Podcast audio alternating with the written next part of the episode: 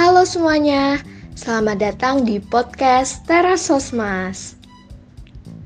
Di mana merupakan suatu wadah untuk berbagi informasi terkait isu-isu sosial masyarakat dan juga lingkungan oleh Kementerian Sosial Masyarakat BMKM IPA Unsud periode 2021. Sebelum lanjut, perkenalkan terlebih dahulu Nama aku Nadia Munafatin, aku dari jurusan Fisika Unsur 2020. Nah, di podcast kali ini akan membahas mengenai konservasi alam nih. Karena ini bertepatan dengan Hari Konservasi Alam yang diperingati setiap tanggal 10 Agustus nih teman-teman. Untuk itu, pastinya aku nggak sendirian, aku ditemani oleh narasumber yang keren dan juga expert di bidangnya nih yaitu ada Mas Ari Hidayat dari Biodiversity Society. Halo Mas Ari, apa kabar? Iya baik, Mbak. Oke, alhamdulillah. Uh, untuk kesibukan sekarang ini lagi ngapain aja nih Mas Ari? Untuk kesibukan sekarang masih di pinggir hutan, itu untuk edukasi masyarakat-masyarakat pinggir hutan sana, masyarakat desa pinggir hutan, untuk uh, apa mengajari mengedukasi untuk mengedukasi masyarakat sana untuk lebih eh apa ya menjaga hutannya atau konservasinya gitu loh mbak. Oh gitu ya mas. Uh, oh ya mas Ari ini kan dari Biodiversity Society. Nah itu tuh apa sih mas? Mungkin bisa dijelasin dulu nih kepada pendengar kita Biodiversity Society itu salah satu LS, LSM atau komunitas konservasi yang ada di Purwokerto, di Banyumas. Tetapi anggotanya menyebar ada yang di Banyuwangi, di Bandung, sampai di Jakarta. Kalau kegiatan sendiri untuk Biodiversity Society itu macam-macam, mulai dari apa eh, bersih sampah sungai, terus penanaman pohon, edukasi masyarakat, pengamatan satwa liar, terus edukasi atau sosialisasi kepada masyarakat-masyarakat yang kawasannya rentan terhadap uh, kerusakan konservasi dan lain-lain. Untuk saat ini mulai dari ada pandemi kita masih kurang apa namanya? kurang kegiatan karena semua kan dibatasi itu ya, Mbak. Kalau dulu sebelum pandemi itu kita sering uh, melakukan kegiatan bersih sungai di sekitaran kota Purwokerto yang memang kalau ada sungai keruh atau sungai banyak sampah itu kita foto foto foto terus kita bikin poster terus kita ajak uh, mahasiswa mahasiswi pencinta alam atau mapala terus Sispala dari SMA SMK terus kita bergabung jadi satu untuk e, membuang sampah-sampah yang ada di sungai tersebut. Itu salah satu kegiatan kita. Oh iya berarti adanya pandemi ini juga berpengaruh ke kegiatan dari Biodiversity Society itu ya Mas? Iya Mbak, sangat berpengaruh karena kami kan mengadakan kegiatan itu mengajak masyarakat, otomatis kan mengumpulkan masyarakat. Kalau uh, ada pembatasan-pembatasan seperti ini juga kita kan susah untuk mengumpulkan masyarakat dan nggak mungkin dapat izin gitu. Kalau tahun-tahun sebelumnya uh, kita juga mengadakan edukasi langsung di alun-alun atau Korsatria atau di mall-mall itu yang ada di Purwokerto dengan uh, memamerkan beberapa uh, apa gambar atau foto dari kegiatan kita atau hasil pengamatan kita untuk uh, mengajak masyarakat lebih tahu apa itu konservasi dan keanekaragaman hayati yang ada di Banyumas itu sendiri, Mbak. Oke, jadi udah jelas nih teman-teman, emang narasumber kita ini expert terkait uh, konservasi alam. So, buat kalian semua dengerin terus podcast ini sampai selesai karena bakal banyak insight baru yang pastinya bermanfaat buat kalian semua. Oke Mas Ari. Nah mungkin uh, masih banyak yang belum tahu nih sebenarnya apa sih konservasi itu Mas Ari dan mungkin bisa dijelaskan bentuk ataupun contoh-contohnya.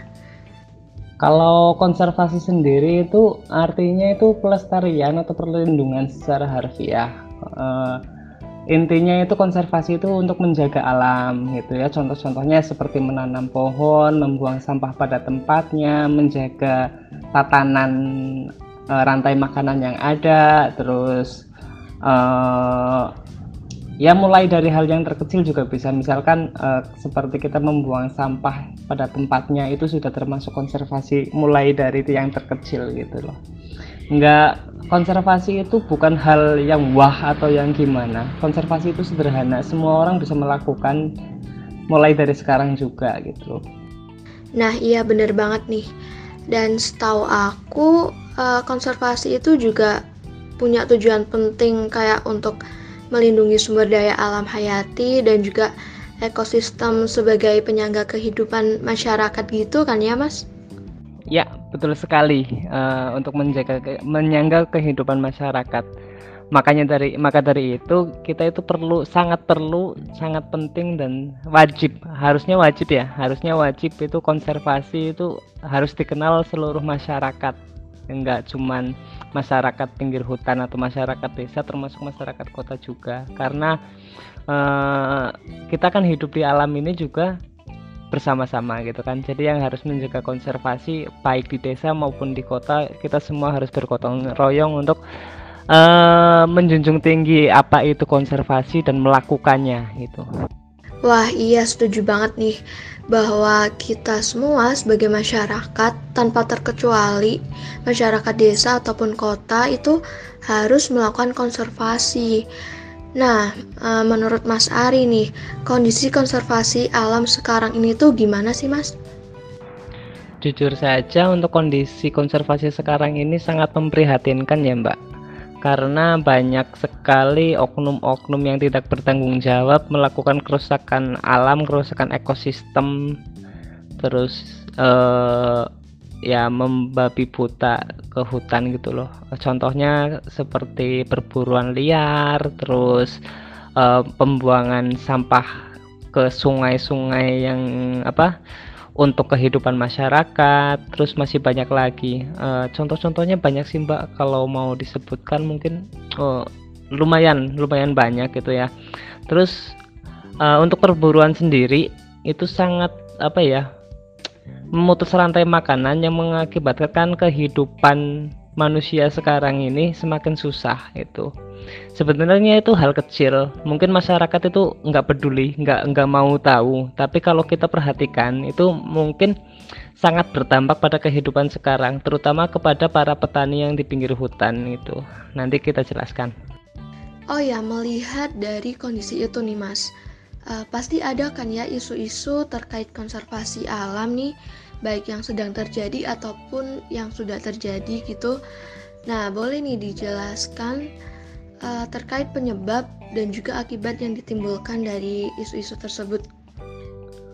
Untuk isu-isu konservasi yang paling dekat itu yang di wilayah Banyumas sendiri itu sangat banyak mbak uh, seperti pembangunan-pembangunan pabrik, terus pembangunan-pembangunan uh, tempat penginapan apa namanya yang di pinggir wisata alam gitu, terus adanya pembukaan wisata-wisata baru itu juga sangat berpengaruh. Tapi mereka membuka kawasan wisata alam tidak memperhatikan lingkungan sekitarnya atau tidak meneliti dahulu lingkungan sekitarnya. Untuk untuk yang lainnya ada kembali ke perburuan lagi. Uh, untuk perburuan lagi itu yang sangat sangat apa namanya uh, sang, sangat berdampak kepada masyarakat. Seperti yang terjadi di desa Lumbir itu ada uh, salah satu kejadian itu karena banyaknya perburuan babi hutan di kawasan hutan pinggir desa tersebut yang akhirnya babi-babi hutan yang ada di habitatnya itu menyerang warga. Kenapa menyerang warga? Karena mereka terusik dari habitat aslinya mereka. Karena banyaknya orang membawa senapan ke hutan, terus e, babinya akan terusik lalu turun ke ladang warga dan menimbulkan kejadian beberapa kematian petani yang seharusnya uh, bukan korban dari si babi tersebut itu. Selain pembunuhan kepada manusia, ada juga uh, berdampak kepada sayur sayur atau tanaman-tanaman petani tersebut. Itu yang sudah terjadi. Ada juga uh, perburuan-perburuan burung elang atau predator uh, yang sekarang harganya lumayan wow itu kan bisa dikatakan seperti itu karena satu ekor bisa berjuta-juta itu kan. Tetapi dampaknya sendiri kepada petani itu sangat apa namanya uh, sangat berpengaruh. Seperti uh, menimbulkan serangan hama tikus terus serangan burung emprit. Itu mereka uh, overpopulasi karena predatornya itu hilang predatornya itu diambil terus dijual gitu. Yang akhirnya hama hama-hama tersebut menyerang petani sekitar. Walaupun uh, kelihatannya sepele namun itu sangat berpengaruh. Karena predator sendiri yang namanya elang itu satu tahun hanya bertelur satu ekor. Dan ketika kita mengambil satu ekor berarti kita memutus rantai makanan tersebut gitu oh ya jadi uh, rantai makanannya itu terganggu ya mas. Dan lagi-lagi itu ulah manusia. Dan ulah manusia itu berakibat juga pada manusia ataupun masyarakat yang lain. Jadi emang memprihatinkan ya kondisinya. Berarti yang terkait pembangunan tempat inap dan juga wisata baru itu uh, dari pihak LSM nih seperti Mas Arik ini uh, ada protes ataupun usulan atau larangan gitu nggak sih mas? Uh, dari pihak LSM berhak nggak atas itu ke penyelenggara tempatnya gitu? Sebenarnya sebenarnya tidak ada larangan ya. Nggak nggak ada larangan karena kita juga nggak berhak melarang mereka. Tetapi setidaknya dari pihak penyelenggara atau pihak pembangun itu harusnya berkoordinasi dulu sama pihak terkait yang mengerti atau yang memahami tentang kondisi alam sekitar. Beberapa kejadian di Banyumas sendiri itu pada tahun 2018 itu ada pembangunan-pembangunan wisata alam yang dadakan. Itu yang membuat selfie deck dan lain-lain. Itu mereka tidak tahu apa yang mereka babat. Setelah kita ke sana ternyata di sana itu di depan wisata sendiri yang dibangun selfie deck itu adalah tempat tumbuhnya eh, tanaman anggrek endemik Jawa. Itu Cryptostylis javanica eh, di situ yang paling banyak tumbuh. Setelah ada selfie deck kami ke sana sudah tidak ada satupun yang tumbuh di sana lagi. Itu eh, termasuk kerugian yang lumayan itu loh. Bukan kerugian materi atau apa tetapi kita kehilangan keanekaragaman hayati yang harus dibanggakan di uh, Banyumas sendiri itu. Terus selain merusak habitat tanaman juga pembangunan-pembangunan uh, seperti itu di kawasan wisata alam tentunya akan uh, mengakibatkan binatang-binatang atau satwa-satwa yang di sekitar di sekitar sana itu akan terusik seperti uh, seperti halnya owa Jawa, terus surili itu kan hidup berkelompok di teritori yang tidak terlalu lebar. Ketika ada pembangunan-pembangunan seperti itu, teritori mereka akan menyusut yang akhirnya akan ada uh, apa? pertarungan antara kelompok antara kelompok satu dan kelompok lain yang mengakibatkan nantinya bisa dikatakan uh, pada mati gitu kan karena hewan kan kalau bertarung pasti salah satunya ada yang mati dan itu akan menimbulkan pengurangan eh, pengurangan spesies tersebut gitu. Dan spesies-spesies endemik yang ada di Banyumas sendiri itu spesies prioritas spesies prioritas uh, Indonesia. Oh gitu ya Berarti buat di Banyumas sendiri itu ada kayak semacam cagar alam atau taman perlindungan gitu nggak sih mas?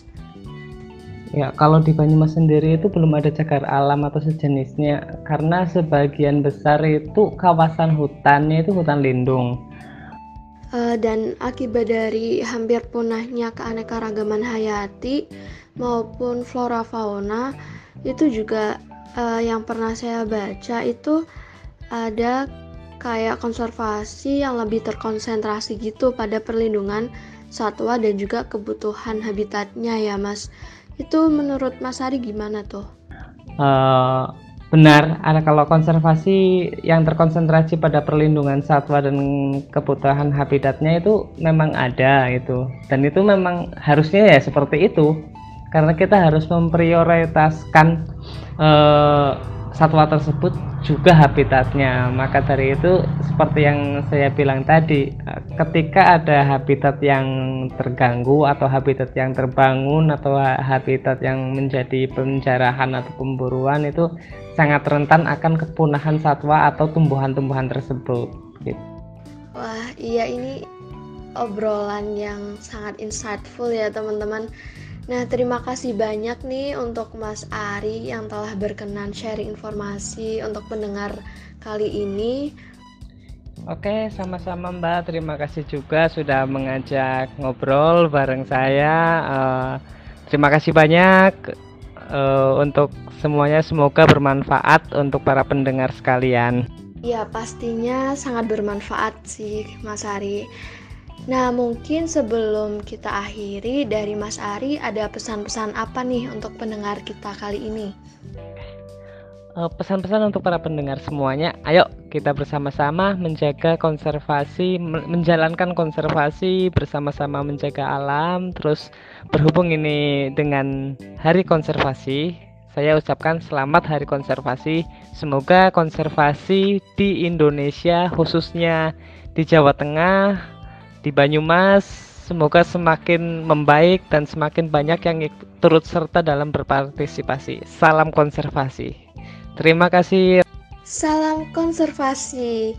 Nah, itu dia teman-teman. Ayo kita semua ajak saudara dan juga keluarga kita untuk menjalankan konservasi alam, mulai dari hal kecil seperti membuang sampah pada tempatnya, menanam pohon, dan stop perburuan liar Uh, karena jika kita tidak melakukan upaya konservasi alam, maka berbagai spesies lambat laun akan punah dan musnah, dan kepunahan itu sendiri juga akan merugikan kita sebagai manusia.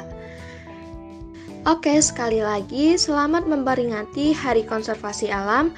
Semoga kita semua senantiasa sadar dan menjaga lingkungan dan juga alam kita. Terima kasih banyak kepada kalian semua yang telah mendengarkan podcast ini sampai selesai. Let be the agent of change. Salam pengabdian. Sampai jumpa. thank you